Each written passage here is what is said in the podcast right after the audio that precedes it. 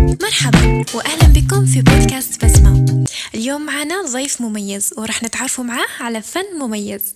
مرحبا بك معنا إسلام. أهلا وسهلا ومرحبا بارك الله فيك بسمة. آه شكرا جزيلا على الدعوة. اذا عرفنا بنفسك. آه معكم بالهادي محمد إسلام 21 سنة من ولاية وهران مدبلج ومعلق صوتي ومنتج في مركز النجوم. نخدموا أعمال نجيبوها يعني أجنبية وندبلجوها إلى اللغة العربية الفصحى. أما بالنسبة للدبلجة خبرة آه، ست سنوات آه، خدمت في كذا أعمال رسمية وأعمال تطوعية ونشاطات إذاعية وما دون ذلك. بالنسبة للدراسة الأكاديمية خريج مركز زهراء بشهادة الأستاذ مأمون الرفاعي والحمد لله. بعد ما عرفنا المجال اللي تبدع فيه والمجال اللي راك نشط فيه حبينا نعرفوا كيفاش بديت في مشوار تاعك في مجال الدبلجة. يعجبني هذا السؤال حيث أنه أنا عندي إيمان كبير أنه كل شيء عظيم يبدأ بالصدفة. أه كيفاش أنا بديت؟ كان صدفة يعني ما كنتش مخطط لها أصلا. أنا في الحقيقة كنت نخدم في قناة يوتيوب وكنت نخدم المونتاج. بعدها كيف يعني كي انستاليت واحد ال application عن طريق الهاتف طبعا شفت باللي راهو كاين خاصية الدبلجة. فجربتها أنا وأختي سنة 2016 جربتها وكنا نسجلوها كمثلا دورايمون ولا كونان ولا أي حاجة. هي تاخذ صوت بنت وأنا ناخذ صوت آه، رجل. وكانت يعني مجرد هواية للتسلية فقط. في البداية كانت للتسلية كانت كلعبة. بعدها تحولت إلى هواية. خلاص شفت روحي باللي راني نبغي نمارسها. وبعدها وليت نديرها في اليوتيوب. شغل آه، نديرها كنشاطات دينية.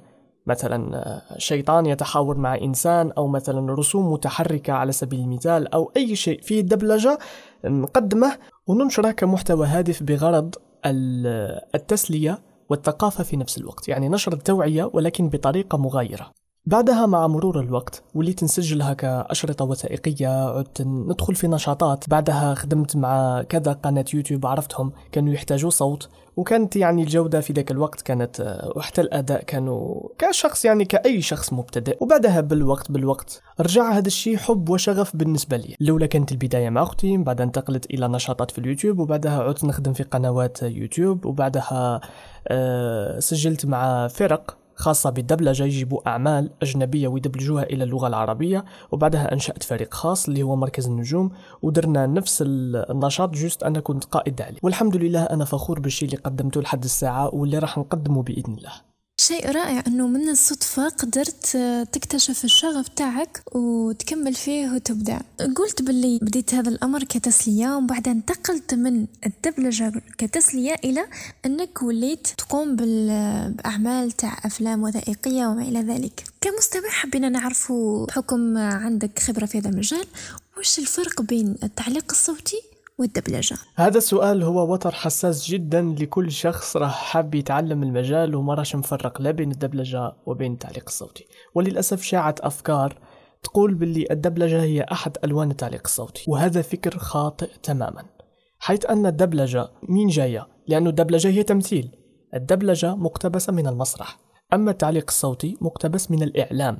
والإعلام والمسرح صحيح أنهم مجالين متشابهين. يعني هذاك فيه الأداء الصوتي وهذاك فيه الأداء الصوتي. هذاك فيه الإحساس والتقمص والتعايش والصدق والإقناع ومعايير الدبلجة والتمثيل كلاهم يس يعني يشتركوا نفس العناصر ولكنهم يختلفان في بعض حيث أن الدبلجة آه، تعتمد على الإحساس العالي ودقة التمثيل ومزامنة حركة الشفاه وإلى آخره. أما التعليق الصوتي يركز أكثر على اللغة والتلوين وطريقة النطق سواء مخارج الحروف أو اللغة السليمة. التعليق الصوتي هو أداء أما الدبلجة فهي تمثيل. يعني مثلا كدبلجة دائما تكون عفوية وتلقائية. السلام عليكم ورحمة الله وبركاته. أما التعليق الصوتي لا هو يختلف تماما. السلام عليكم ورحمة الله تعالى وبركاته. لا تنسى الإعجاب بالفيديو والاشتراك في القناة. هكذا هو تعليق صوتي.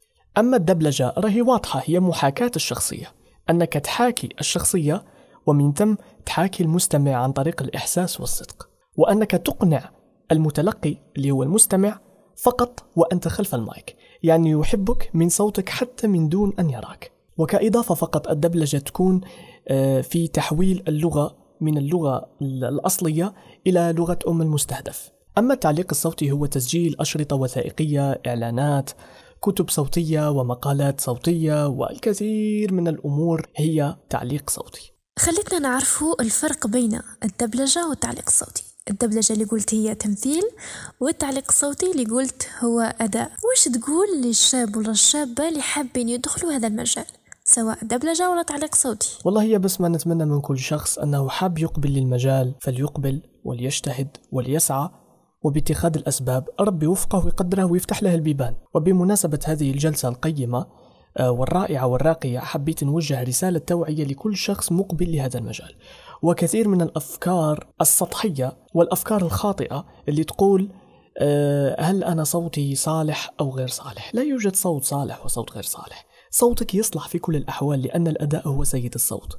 بمجرد أنه أدائك يتحسن وتتمكن في اللغة وتتمكن في الأداء سواء كان دبلجة أو تعليق صوتي راح صوتك راح أوتوماتيكيا راح يولي شباب. على سبيل المثال مؤذن ولا مقرئ ولا منشد لو ما يكونش يعرف قواعد الأداء ما يكونش يعرف المقامات التحكم بالنفس وحضور الصوت وما دون ذلك هل سيكون صوته جميل؟ والله لن يكون أبدا. كل شيء يعتمد على الأداء. مارس واصل أدخل سجل بمعداتك الحالية ما تقولش باللي حتى نجيب المعدات باش نسجل. اللي يقول هاد الهضرة إنسان فاشل. ابدا كيما راك بتليفون بكيتمان اللي كاينة بدا فيها. ربي يوفقك إن شاء الله ويوصلك ويفتح لك البيبان من حيث لا تدري. هذه عن تجربة. وسجل وابعث للناس المختصين أو ليزونسيان في هذا المجال ولازم تتقبل النقد. لازم تقتنع أنك شخص مبتدئ قبل ما تدخل للمجال. أو حتى عند دخولك للمجال لازم تكون واثق كل الثقة أنك إنسان هاوي وراك تتعلم وكل بني آدم قابل للتعلم والتعليم. شكرا إسلام لأنك معنا اليوم ولأنك لبت لنا الدعوة. كانت معلوماتك قيمة ومفيدة جدا. نتمنى ونزيد نشوفوك مرة أخرى إن شاء الله. إن شاء الله بسمة المبدعة وأنت أيضا تمنياتي لك مسار موفق في مجال البودكاست هذا وحقا يعني مجال رائع وقيم وذو منفعة كبيرة. نتمنى تواصلي في هذا المجال وتبدعين فيه وشكرا لصفحة بودكاست بسمة. سلام عليكم.